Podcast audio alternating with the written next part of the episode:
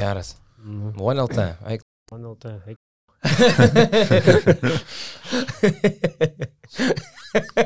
Šiaip, kodėl? Čia tobulas šūkis, ar ne? Realiai. Nu, tobulas šūkis. Gerai, tai su šitą linksmą gaidą mes pristatom pasidžiaugdami su- sugrįžtantį vyriausią redaktorių Joną Miklovą. Sveiki. Sveiki, gyvi. Sveiki. Sveik sugrįžęs. Aš jau galvojau, kad aš šiandien gausiu asiliko kostiumą. Ir čia turėsiu šiandien su juo sėdėti. Nebuvo kada, aš nespėjau e, nuvažiuoti iki Burtės. Toks yra salonas. Purtė? Pa, pa, papurtė? Ten sėdi visi papurtę tam nuomos punktui. tai va, tai Jonas Miklovas, kaip jau turbūt suprato visi, mes tai tikrai su Lekšu supratom jau seniai, a, pralaimi. Vis laikas sunkiai sekasi. Dėl to, kad tai ištročinta čia viskas yra per šitiek laiko. Pralaimi lažybas Eurolygos ketvirtfinalio ir, na, gal pirmiausiai pasidomėkime savijautą pačią Jono Miklovo. Savijauta. Uh, kažkas turi pralaimėti, sakykime taip. Uh, kaip turėjo pralaimėti Monakas. Nors vakar jau buvau įstikinęs, kad tu būsi fucking uh, orakulas. Genius. Genius ir visa Aš kita. irgi taip galvojau, kurį laiką. Ir paėmęs būsi tą seriją, iš tikrųjų, wow, visiškai. Iš tikrųjų, absoliučiai nusipelnau, ta prasme, dviejose serijose prašoviau maksimaliai, uh, tikėjau, kad Makabis paims realą, kur buvo visiškai be šansų jiems. Ta prasme, jiems net nebuvo šansų rungtynių vienų paimti, nekalbant apie seriją. O kitam buvau įstikinęs, kad Oli pervežios Monaką su Volu, bet Volas buvo tik pirmose rungtynėse, paskui buvo įspūdinga serija. Bet mes visi šiaip gražiai apsirikom, kur labiausiai apsirikom, tai visi su Barsa supjovėm, nes, okei, okay, pataikėm nugalėtoje, bet e, aš žiauriausiai apsirikau, aš sakiau 3-0, jūs dar taip šiek tiek blaiviau, 3-1, o buvo 3-2, nu, Realas, manau, yra didžiausias apsirikimas visų. kodėl? Aš sakiau 3-1. Jo, bet Jonas sakė, kad Makabis laimės, aš tikiu, kad 3-2 realas. Tai... A, nu, tai ne visų. Mhm. Taip gal sakykime. Nu, bet žinai, realų niekur negalim nurašyti. Vakar, vakar vyko futbolas, karalė, toks žaidimas. Tai O kas lošia? žaidė Manchester City ir Madrido realas. Tai dėl ko rytis vakar nekomentavo, dėl šito futbolo, bet viskas baigėsi ryčiui bloguoju O būdu. koks čia turnyras UEFA čempionų lyga? Ta, kur žiūrėsim finalą per patronų sąskrydį. Ir žiūrėsim, pusfinalis buvo. žiūrėsim Madrido realą triumfą, gegužės 28. Ir ką jie sakė, nugalėjo? Manchester City vakar buvo labai įd- įdomi atomasga, nes e, važiavau aš namo iš Vilnius po komentavimo. Ir Realas praleido įvartį 70 minutę, 1-0 pralaiminėjo, Real reikėjo dviejų golų, kad išplėštų pratesimą. Eiks. Ir buvo 8, 8 minutė, aš nieko jau nejungiau, ten praradęs visas viltis.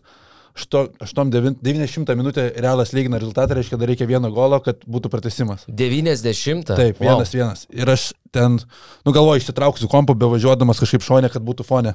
Ir aš betraukiu ir realas 91, antrą. Ta prasme, tu važiuoji Vil Vilnius Kaunas. Vilnius Kaunas ir aš autostrada, su viena, yra taip, 100, 140, įsiminėjai iš Gavos ten 60, tai labai taupiai parvažiavau. Kompą, ant, čia normalu. ant telefono hotspotą užsikūrinėja, kad kompas pagautų. Taip, taip, taip dėja vyksta. Žinok. Lietuvos keliuose taip dėja yra. Tai yra tragedija. Buvo labai sulėtintas greitis, bet viskas, viskas gavos taip, kad realas išplėšė tą pratesimą ir pratesimą laimėjo.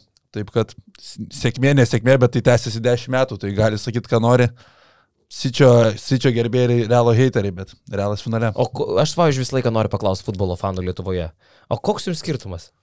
Koks skirtumas? Smagu, o koks tau skirtumas, kad čia Monako ar Olimpiakos? Na, nu, tai aš lažybas turiu, man tai yra skirtumas. Aš e, tiesiog... Bet ten nebūtų lažybų irgi būtų skirtumas. Ten lietuvis, ne, nu ten lietuvis, ten man patinka Mike James, uh, ten lietuvis dar ir dirba, kitas. Uh, Dirba. Tai, tai, tai kažką reiškia, tai kažką keičia. nu, Bet čia- bet čia- savi, nu tokie vis tiek savi, kaip ir Barsa palaiko. Gerai, o kodėl tu, o kodėl tu Karoliu žiūri Hollywoodo filmus? Ten nesavi Bet aš ten vaidina. nieko nepalaikau. Bet tu žiūrėtum lietuviškus, kur Ramūnas Rudokas laksto. Aš nežiūriu lietuviškų filmų. O, o kodėl tada žiūri, o kodėl žiūri Hollywoodo filmus? O kodėl tu patinka aktoriai ar Ne, tai aktorės? žiūrėk, aš suprantu, kad gali amerikiečiai? patikti uh, filmas, ar gali patikti rungtynės, ar komanda, pavyzdžiui, man patinka Monakas. Bet kad aš ten parinčiausi, triusikus ant galvos dėčiausi iš laimės ir ten, ar, ar bėgčiau į nerį, kai jie pralaimi. Bet tai Koks čia- man skirtumas, aš ten net neturiu jokių Tai ta sąsajų. prasme, tau nepatinka gal futbolas, kodėl, pavyzdžiui, kiti serga Formulės 1 turi savo Aš favoritą. pat irgi noriu paklausti tavęs to paties, kodėl? Nes patinka šitas sportas ir tu išsirenki favoritą, nori, nenori. Kaip visai pyksta. Klausyk. Jisai su futbolo maikės Ne, eina. ne, bet aš, žiūrėk, aš suprantu, kad patinka. Man irgi, pavyzdžiui, ten Šumacheris važiuodavo, jie, yeah, fainai, ten kubica, tralelė. Bet ar jis laimi ar pralaimi, realiai manęs giliai širdį nekaso. Tai gerai, tai esi Ir aš tada galvoju, kaip Hebra parinasi, ten lošia, uh, pavyzdžiui, ten Grajauską žiūrėjau, ten uh, komentuojam Zukyje rytas ir jis paraleliai žiūri ten futboliuką. Kažkas lošia Evertonas su kažkuo, man atrodo. Jo, jis jeigu neklystu. Evertoną, jo. Ir ta prasme reikia matyti Grajauską, ant jo atskirą kamerą galima dėti. Šitą Vilnių buvo rungtynės. Ble, čia Lukauskis bėgioja, kažkas čia vyksta, tas žiūri į ekraniuką, žinai, ir ten kažkokį golą kažkas įmų. O taip, seniai, va tokia reakcija. Bet čia yra gražu, čia yra sportas, čia yra galvoju- sportas dėl emocijos, yra dėl žiūrovų. Man labai įdomu šitas fenomenas. Tai fenomenas ir yra. skirtumas Lietuvoje. Ar čia, yra, ar čia nėra iš nepritekliaus, kad mes neturim savo futbolo? Nemanau. Tikrai? Tai ta prasme, Čia nėra tas, kur mes tiesiog labai norim sirgti už supranti, kažką futbolą, čia- nes tai didelis sportas. Taip, bet aš Bet taip pat sargu ir kaip tenisė NBA tas pats, ne? Nu, Ta prasme, tu turi Europoje krepšinį, bet NBA jis yra dar Man tas geresnis ir tu žiūri klausimą. NBA. Kaip tu gali būti nuoširdžiai e, fanas ten kokio nors e, Dalaso Mavė? Aš, pavyzdžiui, man Dalaso esi Mavė... nuoširdžiai fanas aukščiausio lygio. Tarsi niekas nekalba apie Lenkijos futbolą ar ten, Jo. žinai, Portugalijos futbolą, kalba apie Anglijos, Ispanijos futbolą, kur aukščiausio lygio komandos. Tai tu žaidžia. gali simpatizuoti, bet kaip tu gali nuoširdžiai pergyventi, rautis plaukus nuo krūtinės, ten verkt? Nu, tu esi Kaip taip gali būti? Aš nesu futbolo fanas ir aš čia dabar bandau tau paaiškinti. Tiesiog tu esi didžiulės bendruomenės dalis. Real Madrid yra nu, viena didžiausių pasaulio komandų, ne? Tu jautiesi esantis didelio būrio narys. Bet kodėl? Tu niekaip su to nesusijęs, tu ne ispanas, tu net gal ir nesibuvęs Ispanijoje, tu net nesibuvęs tą Madridę. Bet tu turi maikę. Bet tu turi, ma... kodėl? Kodėl tu taip nuoširdžiai palaikai tą komandą? Ar taip, kad tarp draugų turėtum, hei, tu ten realas, o tu varsa ten, aš siti. Ta prasme, nei tu barsas, nei tu realas, nei tu siti. Čia, man, ar čia nėra tiesiog vaikų žaidimai toks? e, Tai gal ir yra, gal ir pats sportas yra vaikų žaidimai, bet tai yra emocija.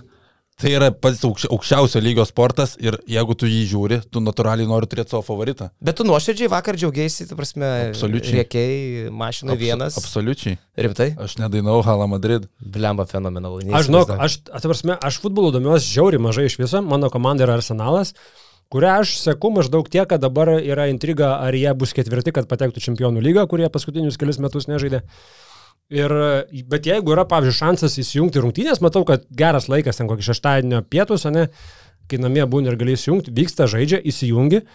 Aš net žaidėjus ten toli gražu ne visus jų dabartinius žinau, bet įmuša golą ir aš, "Aaa!" žinai, va taip. Va, Čia yra kažkodėl. fenomenas, Nes aš fenomenas. tą arsenalą va, įsimylėjau ten, kai man buvo 14 kokie. Bet suprantate, aš vat, suprasčiau tą arsenalą, nu, pavyzdžiui, buvo, e, žinai, e, vat, turėjau tokį e, pojūtį. Jeigu nuvažiuoji į kokią nors šalį, į kokį nors miestą, prisilieti prie jo, tau gimsta kažkokia simpatija. Vat, pavyzdžiui, dabar, nu, tokį mini pojūtis, nuvarėm į Maltą su Hebra. Ir tada, e, okei, okay, mažas, maža šalytė, valeta, mažas miestukas, visi Euroviziją labai mėgsta. Ir aš jau taip save pajaučiau, kad prieš šitą Euroviziją aš jau žiūriu, ką Malta čia šiemet išleis, žinai. Aha, čia paklausau. Kažkokia tokia mini simpatija. Bet matai, tu randi save va, per Euroviziją. Ne, ne, bet aš tik palyginimą daviau, ne? Tai gal sporte galėtų būti tas pats. Na, tarkim, buvai Madride, turėjai fantastišką paną ten, tarkim, ne? Nuostabiai leidai laiką, e, nuostabiai ten tūsinaisi, gal studentavai, pavyzdžiui, tas miestas. Ir tada aš tą suprantu. E, Nes tu kažkokį ryšį pajautai. Bet kada Hebra raunasi plaukus, ten niekaip nesusiję su... Bet tu pajauti ryšį su herojais. Ta prasme, aš dėl ko aš pradėjau arsenalą. e, Mėgti, kai man buvo galvoju, 14 kiek čia- metų, nes, čia nėra nes, tai buvo, fake? nes tai buvo asmenybės. Ten žaidė Lumbergas, žaidė Pierre Henry, žaidė Berkampas, tokios asmenybės, nu, kurias tu pradedi kaip vaikas sekti. Tai aš manau, su futbolu, nu, ta prasme, su bet kuria sporto komanda yra, kad tu pradedi dėl, dėl tam tikro galbūt žmogaus tą komandą sekti ir paskui jinai tavo širdyje lieka kažkaip. Nu, va, mano, pačiu, kaip pavyzdys, pradėjau domėti sportu realiai tiek krepšiniu, tiek futbolu nuo 7 metų, apie 2-3-2-4 metai. Ir man tas pirminis atsiminimas yra, kad senelį kas čia žaidžia. Čia žaidžia Los Galaktikos, Ronaldo, Zidanas, Bechemas, Roberto Karlošas, visos didžiausios žvaigždės. Nu ir tada galvoju, Duda. Dudos nebuvo. Bet, bet Duda. Tai gerai, tada galvoju, man patinka šitą komandą ir nuo tų laikų tu vis sėki, sėki, sėki, po to atsirado Cristiano Ronaldo, mėgstamiausias mano futbolininkas ir taip ta seka ateina, kad tu iš tų sentimentalių dalykų toliau palaikai tą komandą. Nėra čia, kad susigalvoji, kad man čia labai patinka realas va, šia- šiai dienai. Čia yra nuo senų, nuo, nuo vaikystės ateinantis dalykas. Mm, tai pavyzdžiui, jeigu aš, ta, tai dabar man kaip jau profesionalus fanas pasakyk, jeigu aš dabar norėčiau palaikyti kažkokią komandą, tai jau nebėra tas, aš jau turėjau nuo vaikystės ją įsimylėti. Nu, aš nežinau, gal, nebegaliu ir gal- palaikyti realą taip pat nuoširdžiai. kiekvien, kiekvienam individualus dalykas, gal ir gali, žinai, bet, bet jie, kaip aš sakau, aš- nebeįrodysiu jau tau, kad aš esu tikras realas. Aš neprašau įrodyti, aš jeigu tu esi realo fanas, aš to nekvestionuosiu kažkaip kitaip, kaip tu čia bandai Gerai, aš esu ištardyti. didelis realo fanas. Gerai, liuks. Ir labai džiaugiuosi už... Gerai. Žinai, kas yra blogiausia? Blogiausia yra, kai šokinėjai, pabūni vienos komandos, žiūri, kad tai biški dabar neina. Glory O tai kitai, o dabar aš šoku pa šitą, žinai. Tai arba tada nepalaikai nieko, arba... Tai, į tai ir panašu. Ak, Aš ne tavo atveju, gerai, čia senelis, visa kitka istorija yra. Tai tu turi istoriją, realiai. Ko gero turi istoriją. Bet daug Hebros, tai jos tikrai neturi ir ten tas rė- rėkimas dėl užsienio komandų pergalių ir Nu, kodėl? Tarsi, jama, jama gyvena tą komandą. Jeigu tu vat paskui... Bet aš čia ne jam turėjau omeny, sakydamas, aš nežinau jo prieš istorijas ten su Evertonu, gal jis ten irgi kažkaip tą komandą su jie susijęs kažkada buvo, ar ten nuo vaikystės parėjo, nežinau. Nu, vareva, man Pavyzdžiui- pavyzdžiui- ma, mano mintis, kad labai keista kartais meilė tiems, su kuo tu nesi niekaip susidūręs gyvenime. MBA atveju, tai aš niekada neturiu savo komandos, mano komanda yra ta, kur žaidžia Lebronas Džeimsas. Aš už ją palaikau. Bet tas čia galima sakyti Glory Hunterimas. Pavyzdžiui, tu vienus metus sergi už Cavaliers, nes ten žaidžia Lebronas, kitus metus už Lakerius, kurių nekesdavai. Bet Lekšas toks iš- išsirenka, žiūrėk, geriausią žaidėją. Išsirinku nuo mažų dienų, kai jie dar nebūna Ir, geriausi. ir tokius uh, arogantiškus žaidėjus. Ronaldo ir Lebronas. Prasme, Aš jų abiejų nemėgstu kaip charakterių, aš jų abiejų kaip asmenybių nemėgstu. Kaip sportininkai, nuostabus. Kaip žmonės, aš niekada nepalaikyčiau nei vieno iš jų. Tai Daug daug kas būtų tokie yra feikiniai šiek Tai tiek. Realas turbūt yra nemėgstamiausia komanda, visų jie turi daug fanų, bet e, jeigu tos komandos, kurios nepa, kurie nepalaiko Realą, tai turbūt iš, išrinktų pirmą komandą tavo nemėgstamiausia, sakytų daug kas Realas yra, dėl arogancijos ir panašiai, bet tai yra čempionai, jie gali būti O arogantiški. kodėl niekad neėjai Jasikevičius su šitą maikę pakalbinti? Šara? Mhm. Blema, dar, Laisvalaikiu taip. dar gal neturėjau Maikės. Tau būtų mišios. Myšė. Ne, žinok, jisai, jisai yra apskritai, jis Liverpoolio labai nemėgsta, man atrodo. Nu ir realo, aš Jis manyčiau. yra Man United Taip, fanas. taip, taip, jis Liverpoolio nekenčia, bet jo, ir Realas prasileistų. Mm. Šiaip, žinai, e, vakar Lekšas važiuodamas iš Vilniaus su viena ranka siekia ištraukti kompą, su kita užkūrinėjo telefonę hotspotą. Taip nedarykit. O su trečia ranka jisai iš galo siekia Och, tu dieve, Paimti čipsus. Ai, tu savo. štai Taip, taip. taip nedarykit. Bet taip nedarykit jo. Bet e, žiūrint futbolą, šitas dalykas nepakenktų. Tu man gali paaiškinti, kokiu būdu tu sutarėjai su tokio dydžio kontoro kaip Čias. Čia buvo mano svajonė, kad jie vieną dieną bus. Nes aš sakiau taip, jeigu Čiazas remia podcastą, jis yra didelis. Jis yra jau didelis. Aš, aš tą Jie, patį. jie remia vėl tie patys, jie remia Bartu šitągi klajumą. Ir jie yra čia. Kai, ar, ar tu mėgi su Čiazos savi, savininkais? Žinai, kame bairis, aš irgi, aš nežiūriu nei vieno to, iš tų podcastų, bet aš žinau, kad juos remia Čiaz. Tai jeigu jau tavo podcastą, kaip sakė, remia Čiaz, tai jau reiškia, tu didelis. Mes iki, to, mes iki to ėjom. Daug metų ėjom iki to. Lipom į kalną, taip, ir užlipom. Tai Ir ką? užlipom iki to, kad atvežė mums Čiazas tris dėžės ir sako, graužkit vyrai čipsus. Ir sakykit, ką apie juos galvojat. Kiek yra čia toj dėžiai? Čia jau yra apkramtyta, tiesą pasakius, aš, kadangi man į namus atvežė, O, šaltekai jau ant viršaus. tai, tai Čia buvo... Turbūt ap- neapsimesim, kad nebuvo valgyta jau, ne? Jo. Šaltekus ragavau prieš laidą. Šaltekus užskaitau. Šaltekai kol kas mano irgi favoritas. Realiai neskamba gerai šalti barščių čipsai, bet paragauni, wow. Klausyk, ką veikia Čiazo dėžiai, va aš tavęs irgi noriu paklausti, Klaipėdos mėsinės gaminys. Nežinau, bet, bet šitas nėra blogai. Šitas yra labai gerai. Šitas nėra blogai. Šitas yra labai gerai. Šaltybaršiai irgi. Niekad gyvenime nebūčiau pagalvojęs, kad gali būti šaltybaršių čipsai. Sako, kad čia nėra jokios blogos chemijos, tikėkim. Gal taip ir yra, bet šiaip tikrai čipsai labai geri. Šitie, wow. Turim kanapių skonio, kas šiais laikais labai aktualu. Kanapių yra aštresnis, jau irgi teko paragauti, neblogas. Man įdomu kaip kanapių skonį išgauna. Pavyzdžiui, tokiam dalykui. Cepelinus, ko va čia dar įdomiau. Cepelinus skonio. Ragavai? Čia Šitas toks variantas. Toks ne kažką, ne? Lekas, Lekas mūsų yra ekspertas šitų čipsų čiazo. Lekas purto galvą. Ne, šitas nelabai. Jelapenos, turėtų būti aštru. Šitas aštru. Dar Vakar- čia nėra, dar čia nėra triufelio. Triufelio tik vieną įdėjo ir tą suvalgiau, labai geras buvo. Triufelio patiko. Uh, vakar Utenoj suvalgiau kebabėlį. Utenoj patys skaniausi kebabai, tarp kitko, yra su jelapenais. Mes nebevalgom kebabų, karaliui. Mes sportuojam. gi. Mm, vieną suvalgiau. Būtų keista, jeigu daugiau negu vieną suvalgytum. Mm, šitie aštrokė. Man patinka. Bet čia reikia Alonso Morningo, žinok, prie jų.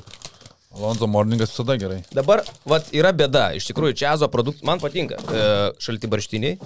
Šitie aštroki, dar aš neragavau uh, kanapių. Bet va čia, kas čia yra? Čia yra kažkoks keulės skonio keulė. Ne? Nes čia, Druskos, druskos priberta.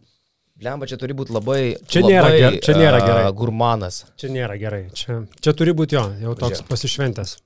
Oi. Skonio reikalas. Gerai, aš... Mūsų, paragauju. mūsų prašė sąžiningos nuomonės. Čia labai gerai. Čia, Čia yra čipsas, ne?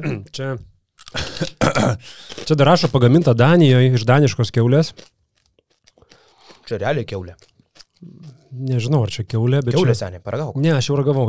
Nenoriu. Nu čia tu turi, žinai, kas... Čia žinai, kas yra gerai, va šitas. Jau kai trečią alučią varai, va tokie užkandukai prasideda. Jau tu nebejauti. Nebeturi didelio uh, poreikio jau ten labai, žinai, skonio receptorius naudot. Uh, bet žinau, ga, šiaip tai ta- galima ta- priprast. Ja. Aš galvoju irgi po dviejų laus įprašiau, bet e, be Čia laus... kaip brangus šampanas, žinai, kaip būna. Geri, pradžioje būna neskanu, ten tie pat- patys sustriausi alkoholiai.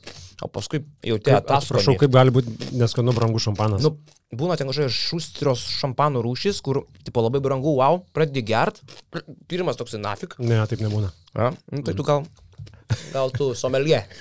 Bet aš turiu problemą. O paskui supranti, kur yra. Žinok, paragauk dar. Ne, ne, vad ką tikrai ragauju ir ką tikrai rekomenduoju, šalti barštiniai. Aš nebūčiau pagalvojęs, kad gali būti skanų šips šalti barščiai. Tikrai nustebino. Kažką turi. Tokį krapą, Agurka. agurką. Jo, Ir šaltekas. Du grinas šaltekas. Iš tikrųjų, valgai, valgai šaltibarščius. Klausyko, tai mes dabar kaip rimtas podcastas turbūt turim nuo- nuolaidos kodą, ne? A, jo, tai mes dabar turim, turim nuolaidos kodą. Tie, kas uh, mus žiūri, Chaz LT. Seniai kanapėlės, gerai. Pabandom. Chaz LT darant Paragauk. bet kokį užsakymą, aš jau gavęs su jom. Uh, 20 procentų viskam įvedus kodą basket. Tiesiog basket. Taip, bet Net, mes basket news. net nereikia vargti rašant visą basket news, Ai. įrašai basket. Jeigu, žinai, pirštai taukuoti nuo čipsų, įrašai trumpiau Aš ir, tai kelnes susivalau. ir gauni. Ža, jo. Plaukus labai gerai žinau. Chaz yra pasirodo vieninteliai. Plaukus nusivalyti, norėčiau kada nors gyvenime. Ir aš turiu pasakyti reklaminį tekstą, gal leis leisti man pas, pasireikšti jo čia. Tai yra vieninteliai lietuviški čipsai pasirodo, gaminami Trakų rajone. O kodėl trakų rajone? Nežinau. Gal, e, gal ten turėjo sklipuką kažkas ir pasistatė. Tai. Lietuvoje niekas daugiau čipsų negamina. Taip išeina. O Estrela? Strela nėra lietuvių. Leis. Kraftas anksčiau buvo. Kodėl mes, kodėl mes vėl klimstam ten, kur mums nereiktų klimti? ir dar čia turi 19 skirtingų čipsų. Ne, 30 skirtingų skonių, 19 skirtingų rinkinių. 30 skonių yra. 30 skonių. Ja. Tai čia mes turim mizerį dar kol kas ant Dar, stalo. nu ne? tai tikiuosi, kad atsiūs gal dar. Eisim. Tuoj suvalgysim ir Blemba šalti barščiukas, žinok, zaibys. Šaltibaršiai tikrai yra geras. Vo. Tai va. Tai va, vi- visokių rinkinių yra čia ZLT, iš tikrųjų labai gražus ir e, tinklapiukas, patogus įsigyti kažkokių norimų čipsų, rinkinių, įvedus kodą basket 2 procentų viskam. 20. Jo.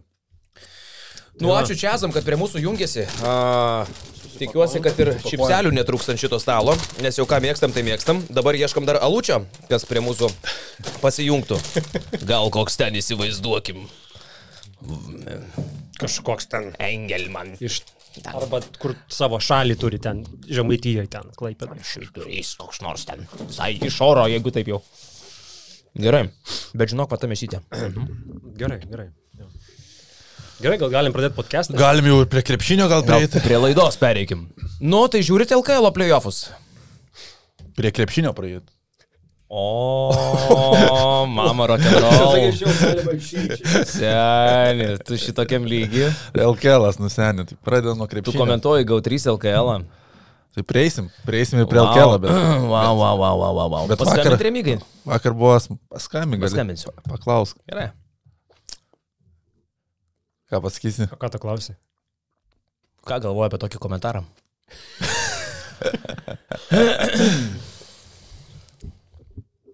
Žmonės. Į kontekstą įves. Patronai skundėsi, kad per mažai skambučių yra paskutiniu Į kontekstą įves. Pritarsi lemigai, jeigu myli krepšinį. Alio, E, Remigijau, sveiki. labas. Čia dabar turim tokią situaciją. Sėdi Lekšas šalia manęs. Jisai komentuoja per GAU3 LKL ir sako, kad jam neįdomu. Tegu nekomentuoja. Tai aš jam taip ir pasakau, gerai? Taip. Jo, gerai, viskas, pasiskambinsim. Girdėjai? Ir ne, nekomentuoju. Ramu. LKL atkrintamųjų Ar nekomentuoju. gali būti taip, kad tu ką tik nukirpai lekšo dalį pajamų? Bet tai ar čia tau pajamos? LKL atkrintamųjų nekomentuoju, bet tai Jo. Tai jau ir ir nekomentuosiu, kaip suprantu.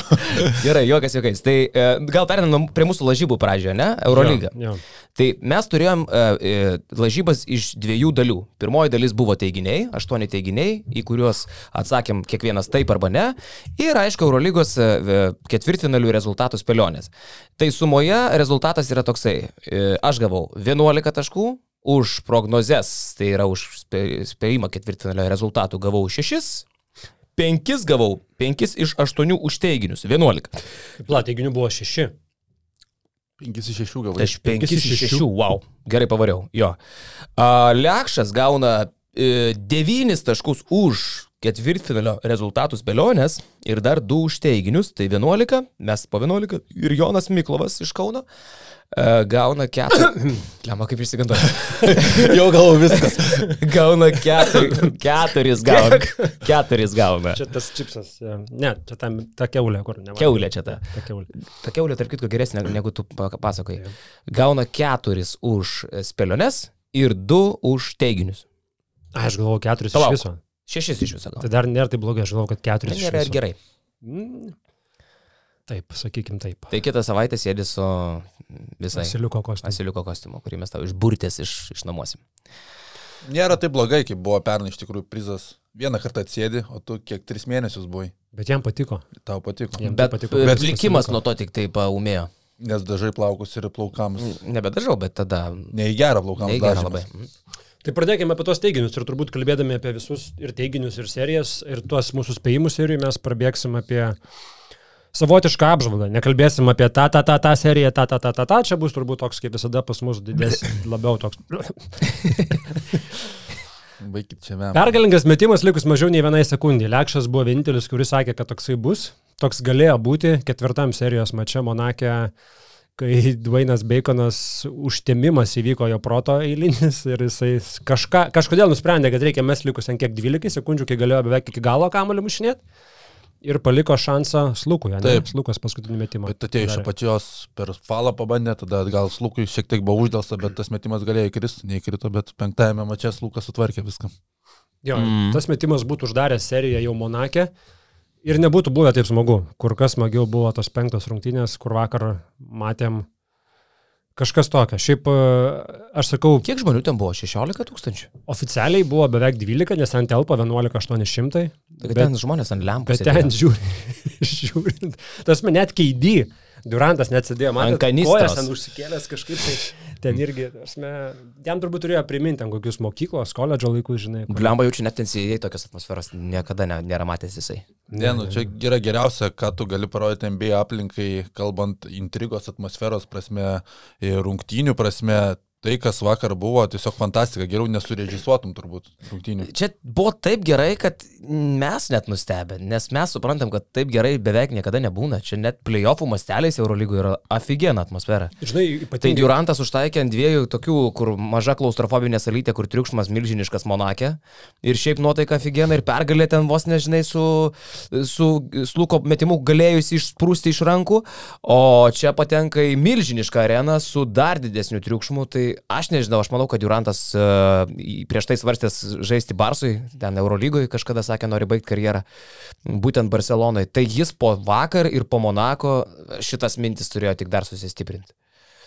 Nublemba, čia, čia, čia daugiau už pinigus, aš galvoju. Su, ir šiaip keista, Durantas yra gana stipriai nemėgstamas pasaulyje. Amerikoje ir net vakar pasigavo, mes įkėlėm tą video, kad Durantas buvo nušvilptas, kai jį parodė per ekraną, Oli fanai jį nušvilpė. Ir ten pasigavo amerikiečiai maždaug, haha, žiūrėkit, iš Duranto net Europoje, žinai, Hebra dergėsi. Būina. Bet būina ir dergėsi dėl to, kad jis palaikė Monaką ir jie žinojo, kad čia yra varžovų fanas, o ne mūsų komandos fanas, tai jie tiesiog nušvilpė. Amerikai kažkodėl iš Duranto yra tas Snake, gyvatė, ne, toks tipo žaltys, čia žinai, jis čia su Warriorsai žaidė, čia toks. Nors man Durantas, pavyzdžiui, kaip, kaip, kaip asmenybė, man jis žiauriai patinka. Ir jis, man atrodo, yra toks tikras krepšinio fanatas, kuriam vat nėra pamoina, atsiprašau už tokį žodį, atvaryti į Monaką, paskui tą patį Pirėjų atvaryti pažiūrėti krepšinį, nes jam čia tikrai yra įdomu. Tai man čia tik pridėjo respekto taškų jam ir su aš kuo jis ten sėdėjo? Bičias Ironį turi Jafą panašus labai. panašus ir Orienturijaf, aš tą patį pagalvojau. Aš galvoju, ir, ir būtų prikolo, žinai, sėdi Durantas šalia turi Jafas ir niekas nepusė žodžio, Ir kad staiga čia turi Jafas. staiga paaiškėjo, kad Turijafas yra jo Ei, bet aš turiu Jafas. apsauginis, žinai. Nu. Kažkodėl Nu. baigęs karjerą tapo apsauginiu. Jo, jo. Durantą. Jo, bet uh, Ir po rungtinius fotografuosis su Makisiku Kevinas Durantas, nu parodo, kad jam tikrai čia ne... Makisiko žmona. Taip, Matėt? taip, taip. Tu nematai, aišku, tu, tu, tu, tu nesi mūsų sleko kanale kažkodėl. Esu Sleko Tu kanale. esi, bet tu nežiūri, kas tai daro. O graži Sleko kanale. žmona. Makisiko. Tu vat kažkaip neseki karalių mūsų. Kurį keliai? Uh, į pagrindinį čatą. Tu žinai ką, aš tau paskubinsiu, tai yra pagreitinsiu viską. Užstatys e, lekas dabar įrodo žmonėms, kaip tai atrodo. O makisiko žmonelė su keidį štai šitaip. O, mama. Makisikas apskritai alfa yra. Patinas. Seniai. Kiek jai metų? Koks skirtumas? Nieko. Tada, kiek jam Kaip savo paklausti? O jį tikra šiaip? Čia tikras žmogus? Tu matai Durantą toj nuotraukai, jau. Aš šitą bičią fonę žiūriu iš tikrųjų. Vedęs vyras, vaiko Jo. tėvas. Jo, žiūrėk, jinai tatufkį ant kaklo turi. Mhm. Žiūrėk, be real parašyta. Mhm. Oho. Mhm.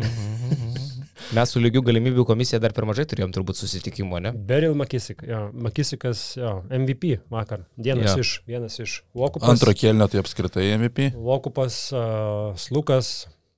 Šiaip rado savo ginklų. Aš vienu metu galvojau, kad Oli dėl to viso spaudimo skęs ir paskęs. Monakas turėjo dviženklį pranašumą antram kilnį. Šiaip kontroliavo grajų. Kai užsikūrė, tikrai atrodė jo. Ir Makisikas ten juos tikrai patempė iš tos duobės. Vienintelis buvo, kuris ėmėsi iniciatyvos per antrą kėlinį 16 taškų pas vieną suvertė. Ir paskui trečiam kėlinys vėl nežaidė, palauk, tai buvo. Trečią kėlinį visą praleido ir ketvirtam vėl žengiant parketo Makisikas. Tai Oli rasdavo tų ginklų ir iš tikrųjų, aš sakau, e, kartais būna, kad tu susikuri savo labai daug lūkesčių prieš rungtynės, tai prieš šitas tikrai buvo daug lūkesčių, kaip ir prieš Barsos Game 5, e, bet čia buvo daug lūkesčių ir tu žiūri ir tu supranti, kad tie lūkesčiai yra išpildomi, kad tai nėra, tu susikūrė labai užsikėlė aukštai kartelę ir matai, kad realybė tos kart- kartelės nepasiekia. Čia tai pasiekė, čia buvo dviženklis Monako pranašumas, čia buvo Peris Ly tritaškiai, čia buvo Jakubo Utara Utara tritaškiai, Per du kur kelnius 4 iš 5. užsikūrė, Jo, ir atrodo jau viskas lūšta, e, Oli namie spaudimas visą kitą net laikys, atlaiko kažkaip, sugrįžta, išsiveržė. Ketvirtam kilny, kur tai vienu metu viena, kita, viena, kita, įmeta, vienu, vienai pirmąją, kitų, tu žodžiu. Ir tu žiūri ir tu sakai, wow, čia tikrai yra įspūdingas dalykas, ką tu čia regi. Ir vakar ėjo ant kito mūsų lažybų objekto, ant šimto taškų abi komandos, nes e, Monakas po dviejų turėjo kem aštuonis.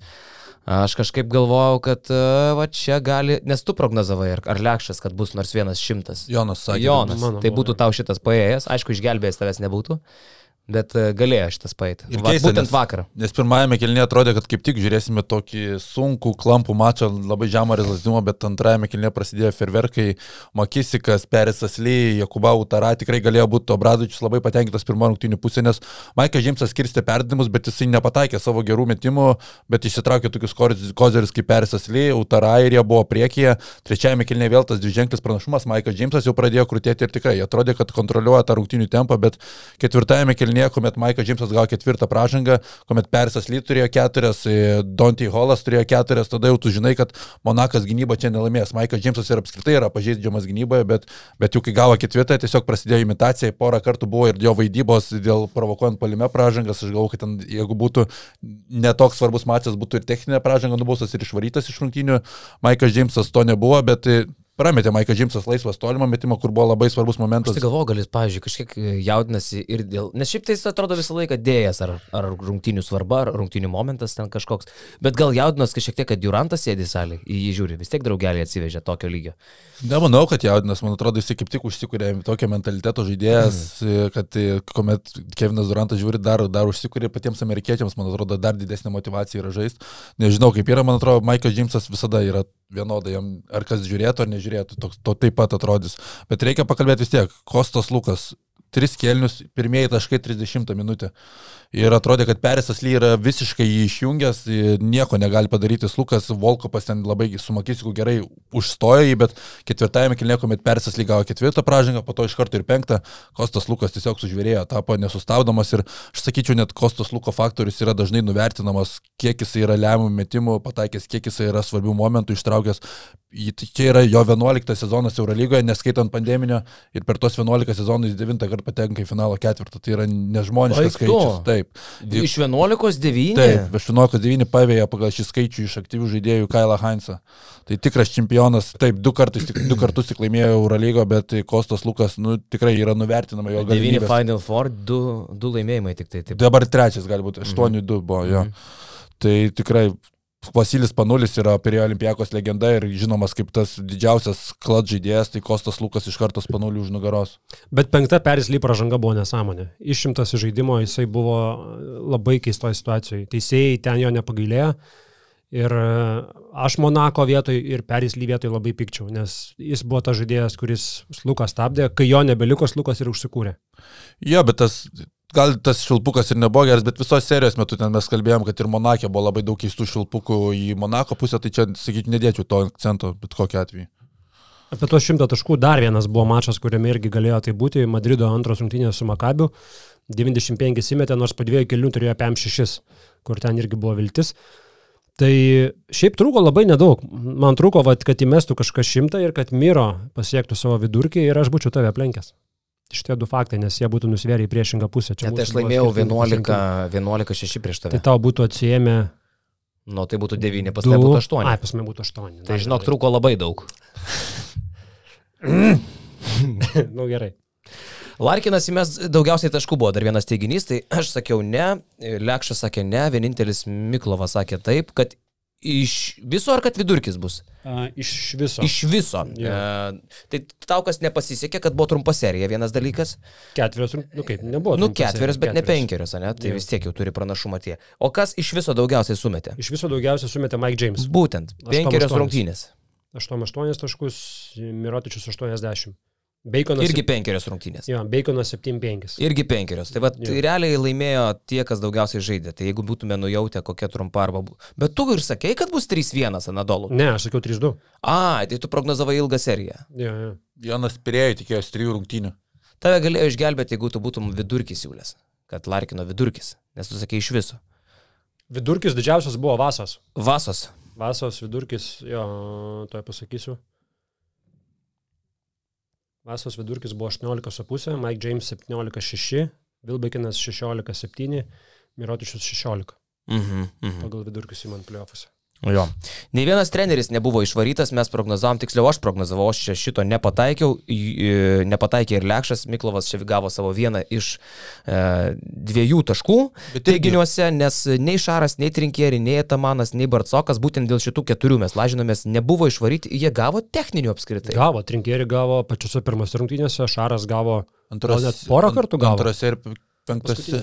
Tai man atrodo, antrose Šaras buvo arčiausiai išvarimo, kuomet tikrai ten ketvirtame kelnyje užsipuolė rungtinį arbitrą, bet viena techninė buvo, nedavė tos antros. Šiaip ten jis turėjo būti išvarytas. Aš ypatingai, kai prisiminiau už kokias nesąmonės, smulkes nesąmonės Atamanas, abu kartus buvo išvarytas.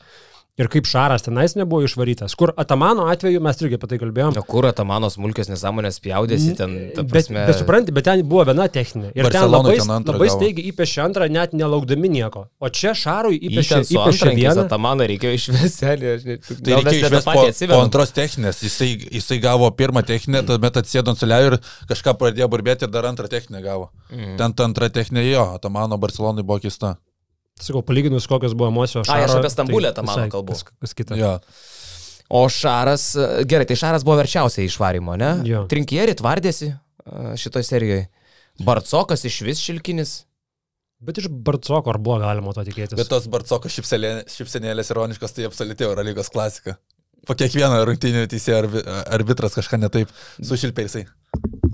Bet Barcokas likus ten kiek septyniom sekundėm, kai fanai suplūdo į aikštelę, man atrodo, kad truputį peršyko, nes tu įsivaizduoji, kas galėtų atsitikti. Suplūsta visi žmonės, minė nebevaldoma, reušės ten kokios kyla. Ja, aš manau, ir, pagalvojo, ir rungtynės būtų nutrauktos tau, tau, tau ir tu gali gauti techninį pralaimėjimą. Tai čia būtų, aš nežinau, turbūt ir jis tą suvokė. Manau, kad per tas kelias sekundės jam galvoj prabėgo mintis, kad tai, kas dabar čia vyksta, šitie žmonės tuoj pat atims iš manęs Eurolygos finalo ketvirtą. Jis taip nuoširdžiai visus siuntė Vilniop iš ten. Išeikit greičiau, ką jūs darot, blemba, mes dar nieko nelaimėjome, 7 sekundės. Ir girdėjau, kad pranešėjas irgi rėkia, kaip krajašas panašiai. Durniai, ką jūs darot? Jūs galite sužeisti savo žaidėjus. Nu, ten, ten buvo biški iššykę visi tuo metu. Olimpijakos atstovai. Bardzoko darbą šį vakarą Twitter'yje gyrė krepšininkai, kurie Europoje ne vienus metus žaidžia, Malcolmas Delainis su Trimelu Dardenu, buvusiu žalgriečiu, jie ten padiskutavo trumpai, kad Bardzokas galbūt yra per mažai vertinamas. Finalo ketvirtus jie skaičiavo Maros trečią kartą, jisai žais, jisai su lokomotyvu buvo nuėjęs, ne? Taip. Jis tuo metu buvo treneris su Oli tapo čempionu, su Loko Finalo ketvirtas. finalo ketvirtą ir dabar trečią kartą. Ir su Loko laimėjo trečią vietą. Jo, ir, ir va, Ane? vyrukai padiskutavo, Loko, kad taip. Turbūt yra per mažai apie jį kalbama, kad visgi jo sistemos yra pakankamai modernios ir pakankamai geros, kad e, būtų laiminčių komandų krepšinis. Atsiminkime į tą patį Olį, jis atėjo, kuris buvo nebe toks, ar ne? Čempionų olė atėjo. Tai pirmą kartą. Taip. Pirmą kartą. O dabar, kai grįžo, tai... O, o dabar po Kemzūros atėjo. Jo. Aš gerai pasakėjai, manau, kad Barcokas yra labiausiai pizdavojamas e, elitinis treneris iš visų. Laso gal irgi patenka iš tą kategoriją, ne? Ar Lasokas pizdavoja? Tai aš manau, kad Arginas Atamanas yra labiausiai Tai pizdavojamas. Po pagarbos Atamanui prašyčiau, jisai yra labiausiai pizdavojamas treneris visų. Bet jis linksmai, jis, jis, o Barcoko tokio, žiūrėk, kad ir šį sezoną, kas čia per taktikos, kodėl čia tas nežaidžia, kaip čia gaunas taip, kad viskas surašyta iš anksto ir nežiūri, kaip čia vyksta rungtynės, kodėl slukas tik ketvirtus kėlinius. Bet pasiteisino. Ta, ta. Ir kai tu užėmė antrą vietą, paskui tu, nu tikrai prieš stiprų Monaką išeini į finalo ketvirtą. Gaila man Monako, norėjau labai. Jo, bet... e, Ką žinau, Barcokas trečią kartą Final Four su trečia skirtinga komanda per ganėtinai trumpą laiką. Ir tos komandos, nu tikrai uh, nebuvo wow, kažkokios mega, super duper. Uh, Eurolygais laimėjo su Oli, ten ta Oli nebloga, bet tikrai man atrodo, kad uh, Ne, ten jie buvo. nebuvo sudėtis kažkokia wow. Apie Loko apskritai galim per daug net nekalbėti. Yra wow su Loko išeiti Final Four. Ir dabar jisai išeina, nu irgi užima antrą vietą su Olimpiako, su reguliarkiai, kur, apie kurios sudėti irgi daug kartų kalbėjom. Yra daug simpatiškesnių pagal pavardės komandų, bet Oli yra Final Four.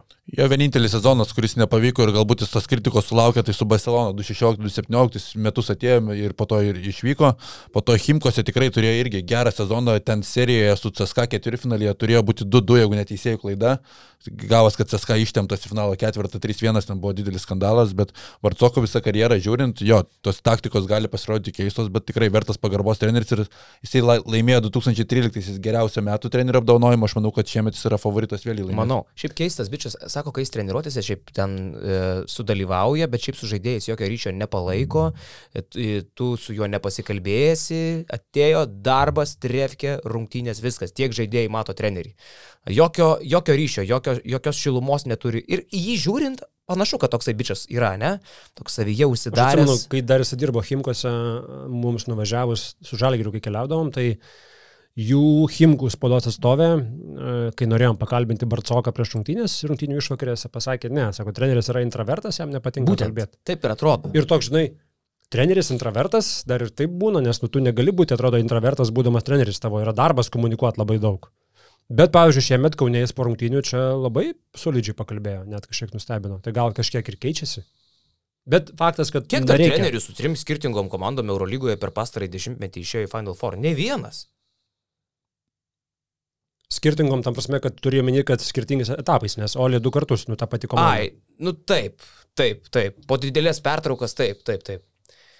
Nu tai su dviem, su dviem skirtingom komandom. Kiek trenerių išėjo į finalo ketvirtą? Šaras ir Barcokas. Prisiminkit dar man nors vieną. Taman, ne. Laso, ne. Mesina, ne. Įtūdis, ne. Nu, įtūdis kaip asistentas, sakykime, bet čia nesiskaito, kalbam apie head coachą, ne? Blatas dar kol dirbo. Blatas, e, Makabicas, ką, bet ne, ne, ne kaip head coachas Makabio e, į Final Four ėjo. Ne, Makabio buvo head coachas. Makabio head coachas, bet net Sasko head Net coachas. Jo, e, Paskualis, e, Paskualis ne, su Barsa iš... Su Barsa 20 Paskualis, ne, nu, čia kalbam apie nuo 20 metų. Realiai va, porą treneriukų jaučiu, Šaras ir Barcokas. Šiaip aš dar noriu grįžti prie Jono minties, kur sako, uh, sakė, kad uh, Barcokas tik Barsai nudegė Ir galvojant, Želko. Želko, Feneris. Panata. Ir Feneris. jo. Aš galvoju, ar nėra taip, kad bet kuris treneris Barsui kažkaip yra tarkuojamas trupučiuką kitaip, negu jis atsidūręs kitoj komandai. Barcokas toksai buvo, Pešičius toksai buvo, Šaras lygiai taip pat, pavyzdžiui, šitoj serijoje, net matant kažkokias nuotaikas Twitter'yje, net lietuviš, Lie- Lietuvos fanų turbūt gretose irgi kažkaip Tarsi tu Barsą, aš net pats tą kažkiek irgi stebėjausi, kaip Barsą taip stipriai stringa, žinai, žaisdama su aštunta komanda, bet niekas nekvesionuoja, kodėl stringa Olimpijakosas, antra komanda su septinta. Tarsi tu pirmai komandai taikai kur kas, kur kas aukštesnius standartus negu antrai. Tu kažkodėl Olimpijakoso, žinai, nekvesionuoji. Tai kodėl čia Barcokas su ta Olė, žinai, stringa. O kodėl Šaras stringa su Barsa, tu jau tą, žinai, kvestionuoji. Tai galvoju, bet ar nėra ir tai, kad... E, Ne, bet seniai, kitas e, dalykas, Bayerno sudėtis, vienas dalykas, neturi Giliardo, neturi Voldeno, e, Jaramazas, Obstas ir visi kiti, e, tai žiauru. E, Kitas dalykas, Barsos, e, Barsos sudėtėlė ir lūkesčiai šį sezoną yra milžiniški, nes mes kalbam, kad antra komanda Oli ir ten panašaus lygio Realas, panašaus lygio Armani šį sezoną, nu, lankstėsi iki galo, antra, ketvirta, net penkta komandos. O Barsai iš karto atitrūko. Barsos visai kiti reikalavimai. Čia buvo aiškiai geriausia šio sezono komanda, su bet kokia sudėtim, su visokiam traumom. Nu, bet turbūt O- o sakyti, kad Bayernas toks vargdieniškas. Varžovas Trinkieri yra geresnis treneris negu Obradovičius Monako. Galbūt, bet čia jau, žinai, kiti dalykai, bet kai žiūri į sudėtį, Bayerną pavargus, tokia traumuota, tokia, paskui jau pradėjom kalbėti, čia gal aštunta labiau galėtų būti Feneris, gal čia jau koks vertesnis būtų Baskonija, nes nu, tikrai šudinai atrodė pagal ant popierius. Hunteris pensija, Radoševič traumos, ten Dešaun Tomas tempė komandą, wow, gynėjai, katastrofa blogiau už Žalgirio, tai jau nėra labai gerai. Nu, mes, žinai, galim prisiminti pernai, kai mes visi stebėjomės, kuomet Anadolo FS taip vargsta su Madrido realu. Bet jeigu tu lygini tą Madrido realą ir šimetinį Müncheno Bayern, tai yra visiškai skirtingi lygiai. Ten realas atėjo iki penktųjų rungtynių, bet kad Bayernas šiemet atėjo iki penktųjų rungtynių, tai yra kažkoks kosmosas. Na, Pažiūrėk, tikrai. sudėti. Tikrai. Ir ne, ne veltui Šaras e, lenkėsi e, Trinkieriui. Nu, jisai jau, jau jeigu Šaras rodo respektą, akivaizdžiai, ateina, paspaudžia ranką, pakalba spaudos konferencijai. Uh, pasako, kad jis gal net geresnis treneris už mane, gal net geriau krepšinį už mane supranta. Bet žinai, kaip yra su Šaru. nu, seniai, bet ar daug esi girdėjęs Šarą žinai, kai- apie kažką taip? Yra taip, jeigu tai yra Šaro draugelis ir iki tol jisai buvo draugelis, jisai gerbs to trenerio darbą ir taip kalbės. Jeigu tai yra treneris, kurio Šaras taip nelabai gerbė, tas pats Atamanas, jeigu tai būtų, jis taip apie Atamaną nekalbėtų, kad ir Atamanas čia, žinai, duotų jam kovą ir visa kita, taip nebūtų. Tai, nu, su Šaru taip yra, jisai pagarbiai kalba apie tuos, kurie yra jo draugeliai už aikštelės ribų. Tie, kurie nėra draugeliai, jis pakalba mandagiai, bet nelenda į tokias Tu, pavyzdžiui, turi pagarbybes menį kaip- Želko Bradovičiaus atveju, ne? Ir, jo, ir Želko kalbas apie karą. Ir Šaras viešai apie Želko turbūt nieko nepasakė. Asmeniškai tikiu, kad turėjo kažkaip pasikalbėti. Nu, čia, čia dar tu giliau lendi, aš lab, labiau lendu į tai, kad nu, yra tie tokie asmeniškumai, kur pašara, manau, groja jie. Ir jis tikrai turi tam tikrus trenerius, kurie, su kuriais artimiau bendrauja ir tuos, kurių jis nu, nelabai Dainius, gal mėgsta. Pavyzdžiui, Dainius Ladomaitis, ne? Pasikviečia Šaras Dainių atvažiuoti į Barsą, ten jie kartu nu, nu, kažką tai. Ir šiaip gar, garsiai gražiai šneka apie Dainių. Ar ten koks, žinai, Pedro Martinezas, apie kurį irgi Šaras kiekvieną progą gavęs, apie jį atsilieps labai gerai, nes nu, jį labai gerai gerbė. Apie Žuaną Plazą niekada jis taip neatsilieps. Apie Antaną Sireiką niekada taip neatsilieps. Tai, tai va, tai čia... Apie Antaną Sireiką jis atsiliepia taip blogai, kad wow, iš tikrųjų, toj knygui. Net, net gaila kartais Antaną. Ir apie, čia, ir apie Pešičių taip niekada neatsilieps. Jo. Jo, tai va, tai... Nors toks- Pešičius, tarp kitko, yra vienintelis treneris Europos krepšinio istorijoje laimėjęs Eurobasketą su dviem skirtingom Tai komandom. išlenda protmušė vedėjas Karolis su savo tai-. Šitą čempioną Jasikevičius čia, čia sėdėdamas su bokalu išvadino atlepausiu tiesiog. Čia sėdėdamas. Čia sėdėdamas. Ai, nu. Nemono saloje Su atlepausiu. vokiečiais ir su jugais. Pešič, vienintelis strategas. Kalbant, tai čia taip nuėjom į tą barsą, Jokubaitis įmes daugiau taškų už kilatėse, buvo vienas iš mūsų spėjimų, kur mes su Lekšu tikėjom Rokeliu, Karolis netikėjo ir reikia pripažinti, Rokui buvo sunki serija. Mes po pirmų rungtynių čia jį labai pašlovinom, kuris solidžiai atrodė, paskui jisai tiek strigo, kad net Šaras turėjo Ispanijos spaudai komentuoti, kodėl Rokas stringa.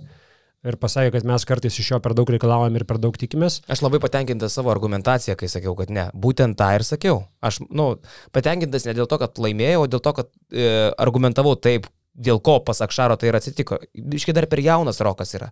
Ir lemiamais momentais vis tiek kalatis labiau. Kad ir neblizgėjo. Kaip yra sunku labiau. žaisti su kalačiu ir būti laiminčia komanda, tu pamatai atkrintamosiose. Kaip yra kitoms komandoms lengva rizikuoti, kai tu matai vieną aišku taikinį. Taip, Kaladis puikiai valdo rungtinių tempą, dalina rezultatyvius perdavimus, aukštaugiams su juo žaisti yra tikra fantastika, bet geresni treneriai jie taip išskautina ir jeigu Kaladis tą dieną nepataiko gerai, penktosios rungtinės įmetė tos du tolimus metimus, tada kažkiek ir laisviau visiems Tai pasidaro. ir Zdanavičius kartais įmeta. Taip, bet ta prasme su Kalačiu laimėti Eurolygą bus labai sunku Barsai. Ir Aš tie- ką tik palyginau Kalatį su Zdanavičium. Aš norėjau reaguoti, bet nereagavau, galvoju, tebūnė. Bet jį tarp kitko, jeigu Zdanavičius ir turi palyginimą LKL su kažkuo Eurolygoje, tai Kalatis. Nepataiko trajakų, labai gerai veržėsi, kovoja, toks kibus, Bet, fiziškas. e, aš net nebijoju, kad Kilatis yra labai gerbiamas ir mylimas komandos draugų. Tu nenori prie Zdanavičiaus? Nenoriu. okay. Bet e, kai Kilatis nepataiko trajako, toks yra biški gėda. Ne, tarsi aš taip, žinai, jo, aš tave bičią mėgstu, bet, blėt, kaip tu čia prastai, ką tik praėjai, ir tokia bang, tokia, žinai, tokia gera būlė. Panašiai kaip aš vakar mėčiau ten toj mūsų aikštelėje. Arba kaip mėtysim uh, gegužės sekmadienį. 28. Arba sekmadienį Žalgirio 3 prieš 3, kas irgi dar... Dabar, kadangi tu tai pasakai, kad mes ten būsim, tai į mūsų tą gėdą ateis pažiūrėti nemažai žmonių. Užeikit, jo. E, Bet. Mūsų spaudimas labai padės, jeigu dar lekšo nebus, dar geriau mums bus. Vis dar geriau. yra šansų, kad nebūsi. Yra šansų. Tai va, bet e, tie, sakau, aš prie to grįžtu, kad, nu tai nėra tiesiog šiaip pramesti metimai, tai yra gėdingai pramesti metimai, kur tokie tu matai, kad, nu, jie neturi šansų net įkristi, nu, jie... Labai blogai. Ir, nu, kažkaip jo, bet rokelis 20 taškų, Kalatis 37, praktiškai dvigubai Kalatis sumetė daugiau taškų, bet ne vien taškais. Rokas šiaip strigo šitoje serijoje, tikrai po pirmų rungtynių jam, jam tai buvo sunki serija. Bet pirmas atrodė, wow, ne, jau čia jau jūs dainavo dainas, čia šaudė šampaną, Roko Jokubaičio Maikės buvo susipirkę. Atsiprašom Ambrazevičiaus, kurį irgi paminėjom po pirmų rungtynių, kad čia jisai minėjo, kad čia yra pervertintas žaidėjas labiausiai. Sigio? ir, e, Pauliaus. Paulius. Bet realiai Barsai išsigelbėjo, nu, sudėtingų būdų, minus 6 po dviejų kelnių įtampa tik tai saugo ir čia pagarba pirmiausia turbūt Nikola Miročiui, kurį mes tarkavom visą seriją, bet trečiajame kelnėje pradėjo agresyviai, Nikolasas Laprovitola, tie tritaškiai tiesiog fantastika, pats Esikevičius parungtinių pa, pasakė, kad jo norėjo dar žalgerėje, norėtų pats dalyvauti tokiame mačiai ir būti sužaisti kaip Lapro, nes yra kažkas fantastika. Donato Urbano geras intervas buvo su Juanu Karlosu Navaro, kuris taip pats aiškino, kad labiausiai iš dabartinės Barsos būtent Laprovitola mane primena jaunystėje, tai aš kažkaip dabar suvedžiau taip, kad tikrai panašu ir ta tokia laisvė. Vienintelis toks žaidėjas, apie kurį prieš sezoną tu kalbi, kad kaip čia jisai tik Šarui atrodo Jo, visiškai kitas. O dabar žiūrim, kad ta prasme fantastika. Visa ši, ši, visos šitos serijos atrodė labai solidžiai, o penktos rungtynės tiesiog sprogo. Bet jisai net realiai nebuvo kažkoks ten, nu, buvo neblogas žaidėjas. Nebuvo tikrai kažkos tokio wow, žinai. Bet, e, bet kai perka Šaras Lapro, pakėlė man takį visi, ne? Ir, ir dar vienas toks Šaro pirkinukas, kur kelia man takius, what the fuck. Ir Bet tai tiesiog- žino, ką perka. Parodo, žinai, kad tai buvo netinkama situacija realią Lapro, bet jis jau prieš tai, jisgi buvo Ispanijos lygos MVP. Badalonai. Ateidamas į, į realą, jis turėjo tų gerų sezonų, e, bet ir taip, man irgi, man ta, žinai, kažin, Šaro sasvinukė, kiek yra tų pavardžių, žinai, kuris, "Mm, pavyko dabar, nu, bet aš kitais metais pabandysiu. Lemba, jaučiu Ne- labai nustebom, kai kurias pamatęs. Manau, atsiverstum ir sakytum, ką tau šito žmogaus reikia. Bet čia kokia eilė buvo žaidėjų, kur mes taip pat kėlėm tos antakius. Kokia eilė žaidėjų? Žalgerio laikais čia iš vis sąrašas e, šauktinių, vėl nežino iš kur ir kodėl. Aš vakar žiūrėdamas mačą Pirėjoje galvoju, kad e, žaidėjas toks kaip Tomasas Volkapas, bet kurioje Eurolygos komandoje visi norėtų, visi treneriai jo turėti ir aš nebejoju, kad jis ir Šaras tikrai norėtų Barsų jį turėti. Apie Vokų pakalbant, šiaip, e, jo, įspūdinga serija, ten graikių net kažkokių tai kalbų būdavo, čia Vokų pasiliks, neliks, čia mums reikia. Jis parodė šitoje serijoje, kokio yra lygio žaidėjas, kaip dirbo su Maiku Jamesu gynyboje, vakar ir polime jisai užsikūrė vienu metu. Bet man kita mintis, jeigu ne CSK išmetimas, finalo ketvirtė būtų buvę trys praeito sezono žalgirio gynėjai. Rokelis, Vokupas ir Grigonis. Nu. Ir, ir visi jie nėra kažkokie paskutiniai žaidėjai, kurie nieko neveikia savo komandose. Tai Žalgirė buvo tokia gynėjų linija praeitais metais. Mhm. Jo. Tai man šitas faktas nuskambėjo pakankamai wow. Okay. Gerai, kokie dar buvo čia mūsų pora teiginukų? Uh, Nu ką, Larkinas, ai, šitą aptarėm, pergalinga, viską aptarėm. Šimto nebuvo, ai, Miro. Miro 17-7 mes spėjom su Lekšu, kad viršis Miro 17-2 surinko, trūko jam 3 naudingumo balų, kad jisai viršytų šitą 17-7. Aš pakankamai didžiuojas, man šie pasirodymai šitie jo pakankamai geri, kad uh, negalim sakyti, kad jisai kažko neįrodė. Solidus buvo. Yra Pradžioje atsimeni 20 siūlį, nuleidom iki 17 spinti, labai geras lažybas gavosi. O ga, vidurkis koks tiksliai? 17-2. 17-2, tai labai labai nedaug trūko tikrai. 20 playoffuose viršijo vienintelis Mike James beje. Naudingiausias playoffų žaidėjas, įmant pagal skaičius, Mike James 20,8, Larkinas 18,8, Lukas 18,4. Ketvirtas šitam sąraše Tiboras Plaisas 18,3. Spūdinga. Nu, Tiboras užvėrėjo, jis turėjo ten vieną grajų, kur surinko 40. 40 praktiškai, 37. E, aš dar pagalvojau, jeigu Monakas būtų išėjęs į finalo ketvirtą, Saša Obradovičius būtų dešimtmečio treneris. Prie Zvezdano Mitrovičio šitą komandą, tapsi, būtų buvęs didžiausias įmanomas kontrastas tarp trenerio ir trenerio to paties sezono metu. Prie Zvezdano šita komanda atrodė kaip Prasigėrus. vargu prasigėrus kažkokia, nepatenkinta, kaip, nu, va tokia kažkokia. Panašu į Zvezdaną, taip.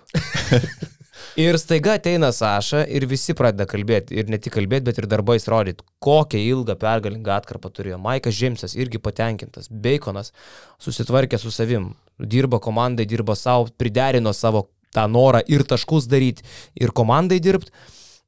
Dimau patenkintas, atsiskleidė, statistika dvigubai išaugo, produktivumas wow. Ir šita komanda penktose rungtynėse buvo per šešis taškus nuo Final Four iš esmės. Ir įspūdinga. Atrodė vakar galiausiai nulūštas Eurolygos prakeiksmas, kad penktosios rungtynės ir visada laimi šeimininkė. Atrodė, kad Monako tai išplėš, bet toliau tai tęsiasi ir per nuo 2016, mano 15-15 kartų, 15 pergalių šeimininkų penktosiose rungtynėse. Ir unikalu. Pirmas su aštunta, antras su septinta, lošia iki penkių, penkerių rungtynių. Trečia, šešta, kiek ten užteko? Trečia iš viso autino, nes šešta komanda Taip. FSS išėjo toliau. Šešta išmeta trečią. E... O lengviausiai susitvarkė ketvirtą komandą, kuri tarsi turėjo stipriausią oponentą penktą. Absoliučiai viskas prieš logiką atrodo. Apsivertė visiškai į kitą pusę. Eurolyga. Gražioji Eurolyga. LKL dar labai įdomu. Pakalbam apie tai, tikrai įdomu. Pakalbam, tikrai įdomu ten. Visos serijos vienas vienas, ne po ketverių rungtynių. Ne, 2-0 Ne, vienoj. Nulis yra vienas, atsiprašau, labai suklydau. Wow, wow, wow, wow, šitai. Gerai, gerai, pala, bet dabar bandau prisiminti, o tai kur yra 2-0, gerai, palauk. Wow. Nu, va dabar nesakyk. Ai, tai Lietkabelis išsigelbėjo pirmose. Aš galvojau, kad vat, Lietkabelis pirmose neišsigelbėjo ir bus ne. Ir kiek vakar laimėjo Lietkablis? Maždaug. Uh, normaliai. Nu, plus minus. Plius minus 10. 20 keliais. Mm, Panašiai, atspėjau. Jo, sutriuškino, ta prasme. Nes žaidė vakar Utenos Juventus be Roko Guščio ir be pono Igno Vaitkaus. Vaitkui matė, kaip akį iškabino. Uh -huh. Šlikšto kokai vakar sėdėjo Dėl parodų. ko Gustys vakar nežaidė. Guščių temperatūra pakilo prieš rungtynės. Lemba, bet labai gaila šiaip Utenos, kalbant turbūt apie tą pirmąjį mačą, man atrodo, kad Utena buvo vertesnė pergalės. Pilnai. Turėjo ten būti 1-0 perimta iniciatyva ir ta psichologiškai išsitaško komanda, kuomet tu paleidi tokį tašką. Vakar jau nebuvo ta, ta Utena tokia, kokia jinai buvo panevežyje ir tas ta techninė pažanga Rokui Guščiui trečiajame kelnyje, nu čia yra krepšinio žudimas. Vakar Mačiulis dar, tarp kitko, tiesioginėme eteryje, studijoje, Jonas Mačiulis apie tai pradėjo kalbėti ir jis sako, kad tokios pražangos yra labai labai blogai. Jis metė akmenį į teisėjų daržą, aš tai sakyčiau, kad teisėjai šiuo atveju irgi yra e, tos pačios idiotiškos taisyklės įkaitai, nes taisyklės tarsi sako, kad tokios emocijos, va tokios emocijos Europoje, čia ir Eurolyga šitą skatina. Man yra baisu, kad Eurolyga šitą skatina. E, turi būti vertinamos kaip techninė pražanga. Aišku, turi būti ir kažkoks protingumo kriterijus. Žinai epizodą, apie kurį išnekam? Gustys įkrauna iš viršaus ir reikia varžovų į veidą. Nu, bet tai nėra toks į veidą. Ir net neįveidas. Nuo jo jau eidamas, "A", žinai, jau kraudamas pradėjo rėkti. Nu, tai nebuvo kažkokia provokacija. Tikrai. Ir jis turėjo nesportinę gavęs prieš tai. Ir Gvidas Gedvilas, arbitras, tikrai galvoj tuo metu tos nesportinės nesinešiojo. Jeigu jis ją būtų nešiojęs, jis, jis nebūtų švilpęs tos techninės.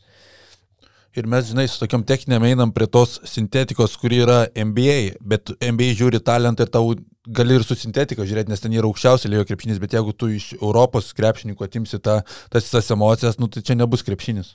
Apie, labai trumpai nuk- nuk- nuklystu apie tą sintetiką irgi vakar po priejaus rungtynių praėjus kokiai valandai. Eurolyga išplatina pranešimą, kaip jie smerkia tai, kas įvyko po rungtynių, tai kas įvyko rungtynių pabaigoje, ten su fanais išbėgo, visi ten apsauginiai iš vis nesuvaldė situacijos. Tai aš... Ekskomisarai ten saugojo. Ne, ten Ne? kokia pigesnė bendrovė, kurios neverta minėti. Net. Bet e, aš suprantu, kad nu, jie negali palaikyti tokių veiksmų. Bet kam tu išstoji su tuo viešu pranešimu, kur visas krepšinio pasaulis džiaugiasi tuo, ką tik pamatė ir čia išeina policininkas, bananų tvoja per stalą, sako, čia buvo negerai. Nu patilėktų, ne? Nu, nu, nu, nu, nubausk tyliai ten, nusiųsk baudą tam olimpijakosui, vyrai negerai. palauk, tai tau. Eurolyga reaguoja, tau nepatinka, nereaguoja, tau irgi Supranti, nepatinka. Ką jam daryti, kad būtų gerai bet čia, bet čia va sterilumas tas. Ta prasme, aš suprantu, kad taip negali kartotis. Taip, taip negali vykti po rungtynių kas kartą. Jeigu tai vyktų kas kartą, tai čia būtų nu, bananų kraštas kažkoks, ne? Bet toli pateko namie žaisdama į finalo ketvirtą, aš nežinau, po kiek metų pertraukos. Nuo toks įvykis 2017 įvyko. nežai- nežaidėja finalo ketvirtą. 17 seriją namie pabaigė? Bet šito ne, ne, nepatikrinu. aš irgi nesimenu. Jo, tai šiaip ar taip, tokia didžiulė emocija, viskas gerai. Nu tai tu nu, patilėk be to pranešimo, sakau, nu kažkaip tyliai ramiai ir nesvarkys. Ne, išstoji. Bet ir toks iškart, nu, trupučiuką, nu, nukilini tą visą tokį gražų vaibą, nes, nu, vėl yra tarsi bandoma būti tokie, kokie mes esame, kokie yra NBA, ten, kur Durantas paskui išstojo, kad jeigu atsineštume į tos, tas žiežirbas, atsidurtume greičiausiai kalėjime Amerikoje.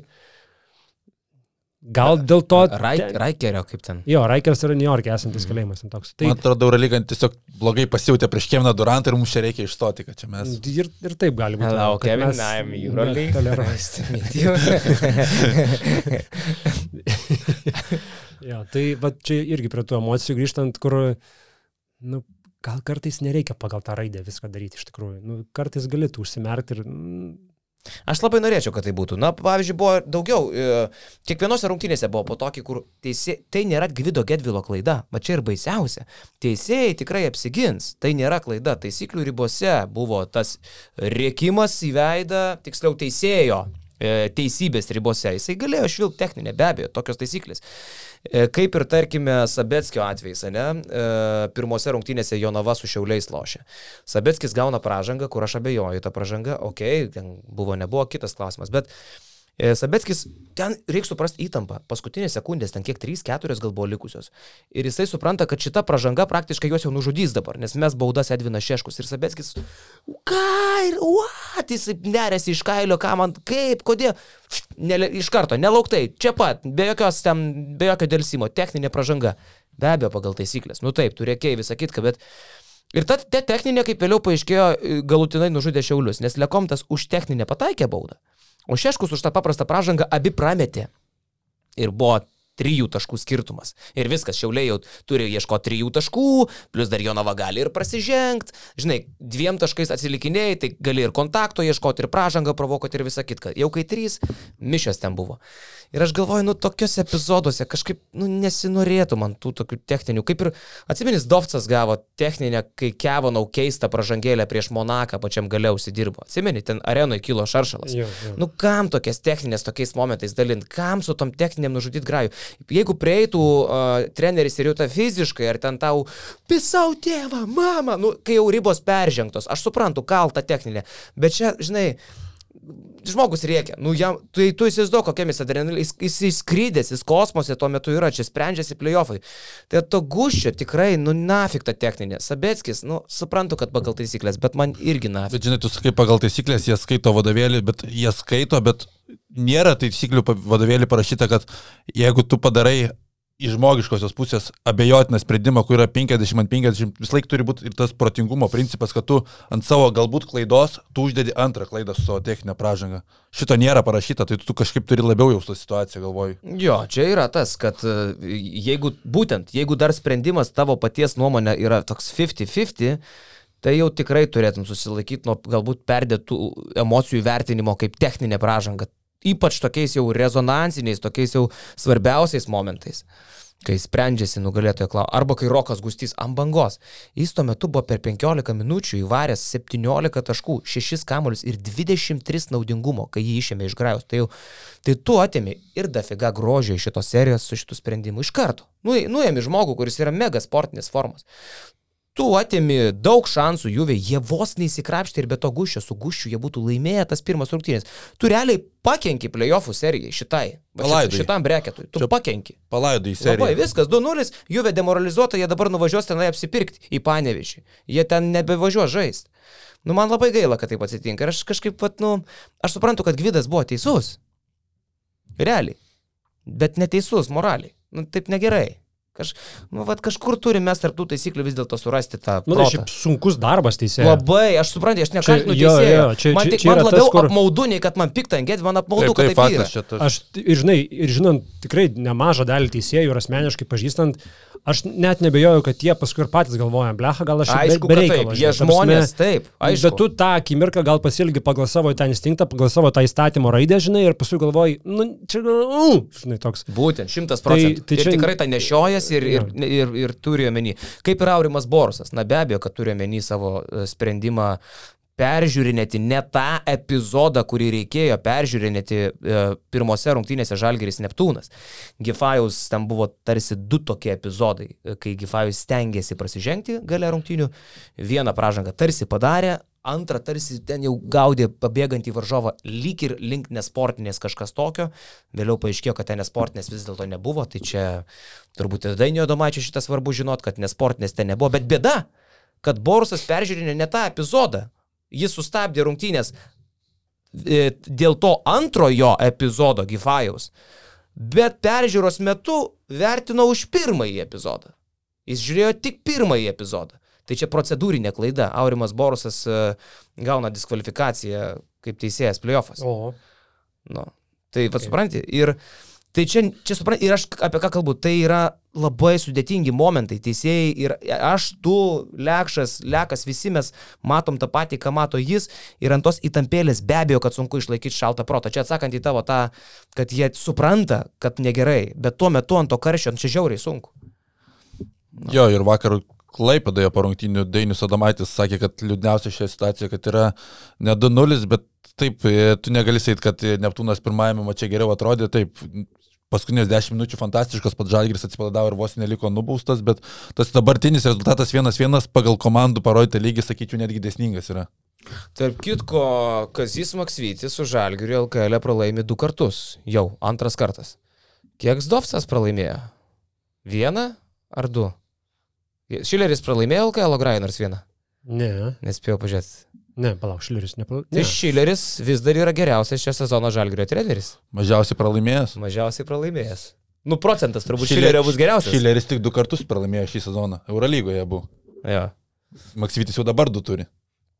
LKL. Ne, šiaip Maksvyčio startas sunkus, jisai laimėjo ten kelis prieš nevėžį, atrodo, dzukus, tokius 2-3 nereikšmingus, o dabar keturios iš eilės su, sakykime taip, rimtesniem komandom ir rimtesnėme etape. Tai pralaimėjimas Lietkabiliui, sunkiai laimėtas mačas su Utina, uh, vos nepralaimėtas, laimėtas mačas su Neptūnu Kaune ir vakar pralaimėta Neptūnui. Tai sunkus Kazio startas, labai sunkus. Komanda kol kas. Nors Mačiulis sako, Jonas, e, kad e, Kazys davė krūvio. Čia tipo pagal ko- komandos, kaip kokie eina garsai iš komandos. Davė krūvio ir jie pavargė ir ten ir tas dabar matas. Gali būti, kad davė krūvę, neduoda faktas rezultatai tokio impulso, kaip čia daugelis tikėjosi, bet šitai komandai atrodo nelabai kas ir gali duoti to impulso. Eilę kartų kalbėjom, bet ką man tenka girdėti iš komandos vidaus, kad nemaža dalis legionierių jau galvoja apie tas Šitą atostogas. irgi girdėjau.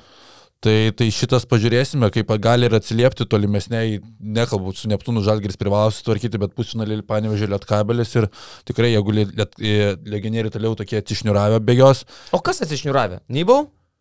Strelnikas? Nybaus, Strelnekas, tas pats Taleris Kavanau, mes galim atsiminti, kaip jisai sezono pradžioje atrodė, kaip kovojo, vakar rungtynės su Neptūnu. Jis negali būti atsišniuravęs, Jis į Kauną reikės jis turi sugrįžti. kontraktą, taip, bet, bet kalbant apie visą tą jų motivaciją, amerikiečių automatiškai yra ne vietiniai frontai Eurolygos, kurie nori pasirodyti. Tai nežinau, labai sunku ir jeigu Edgaras Ulanovas patiria kažkiek rimtesnę traumą, o kas tenka girdėti, kad gali būti ta trauma tikrai rimta, tai didelių problemų bus. Tas pats Nilsas Gifai visą sezoną atrodo prastai, jeigu jam dabar ir motivacijos kažkokios trūksta, tai absoliuti katastrofa. Didelių problemų turi Žalgeris. Taip kitko, Gifajos pasitikėjimo savimi lygis irgi buvo labai neblogai parodytas tame epizode, apie kurį ką tik kalbėjau, kur e, prieš Neptūną pirmose rungtynėse. Jo užduotis buvo prasižengti. Jis, jo užduotis buvo tiesiog Vieną darbą jis turėjo. net to nesugebėjo padaryti. Ja. Realiai net vėliau, vėliau peržiūrėjus abu tuos Gifajos kepštelėjimus, nei vienas iš jų net gal link pražangos netraukė. Žiūrint, tas pirmas labiau, antras visai tai nepražanga. Ja. Ir dabar Neptūnas sugeba laimėti padarydamas 15 klaidų, pataikydamas 6 tritaškus iš 25, sugeba Neptūnas laimėti lentą prie Žalgerio tuos aukštaugius, Nybau, Laverną, kur tikrai, sakom, priekinė linija atitinka Eurolygos standartus. Noro daugiau pas Neptūną buvo ir Davidas Gailius ten rungtinių pabaigoje vos baudomis nesudegino viso Neptūno darbo, būtų labai apmaudu, jeigu būtų išleista pergalė Neptūno. Pražanga dar tokia nybau ant klaustuko prieš gailių. Irgi uh, pradžiai galvojau, kad gali ten šoka į metančią cilindrą, paskui žiūriu, ne, ten vertintas buvo tik tai uh, galimas kepštelėjimas gailiui per ranką. Iš vieno rakurso atrodo lyg tai kepštelėjo, iš kito lyg ir nesimato. Ten įdomus epizodas, čia dar bus įdomu išgirsti LKL verdiktą, ar ten tikrai buvo nybau pražanga.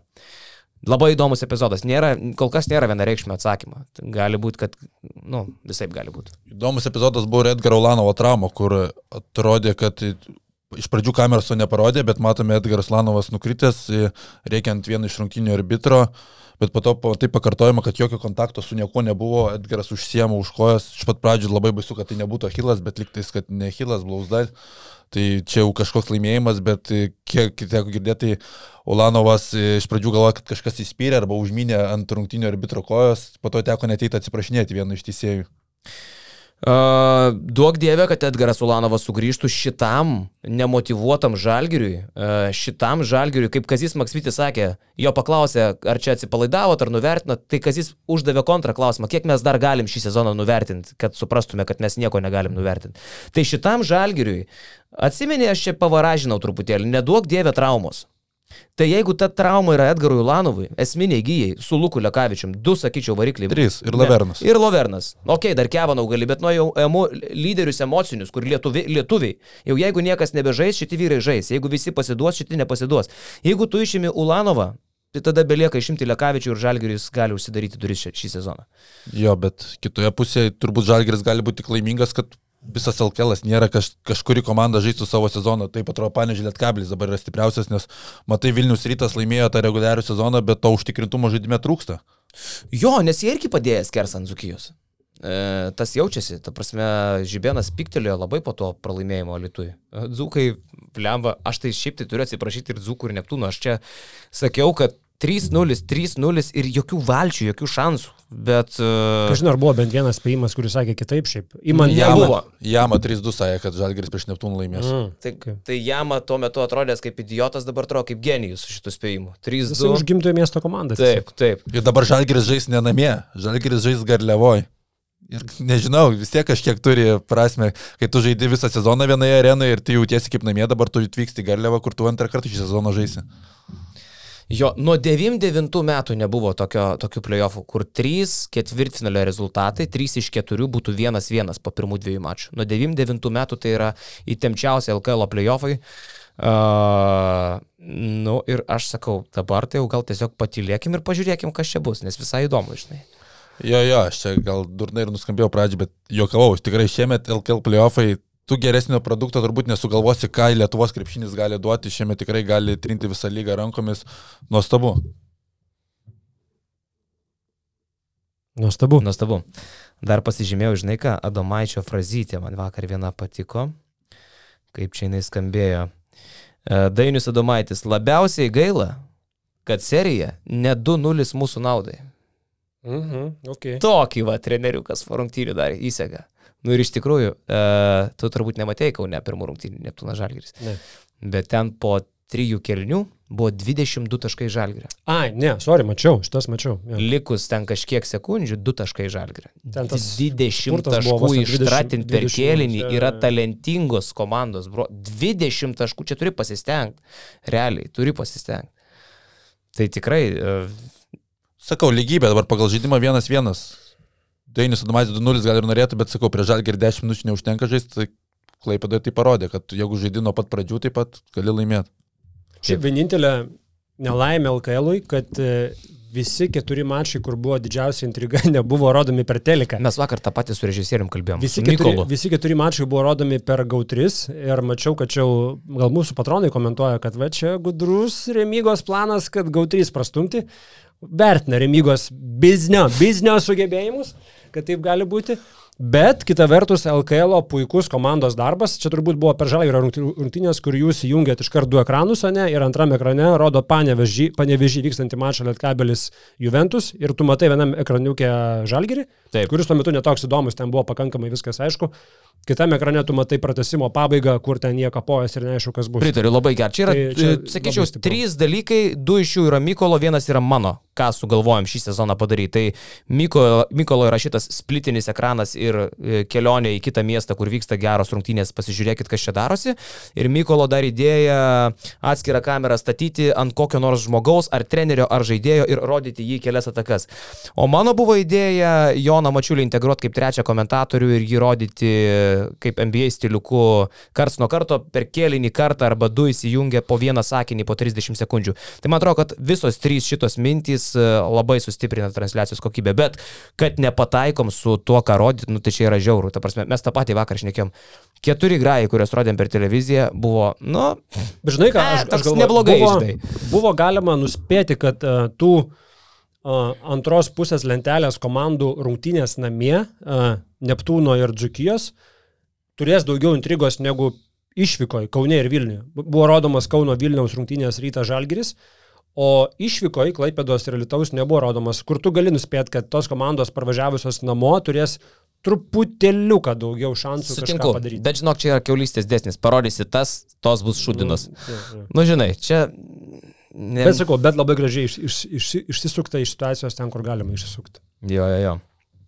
Ką, vyriukai, aš gal dar noriu kreiptis į tuos, kurie yra mūsų artimiausi draugai. Tai aš primenu, kad gegužės 28 dieną legendinis Basket News patronų sąskrydis. Sąskrydžio vieta nėra viešai e, skelbiama, nors mūsų patronai ją žino. Tai šiuo metu aš jau galiu atskleisti tam tikrą tarpinę e, statistiką, ką mes turim. Šiuo metu yra parduota beveik du trečdaliai e, šitų kvietimų.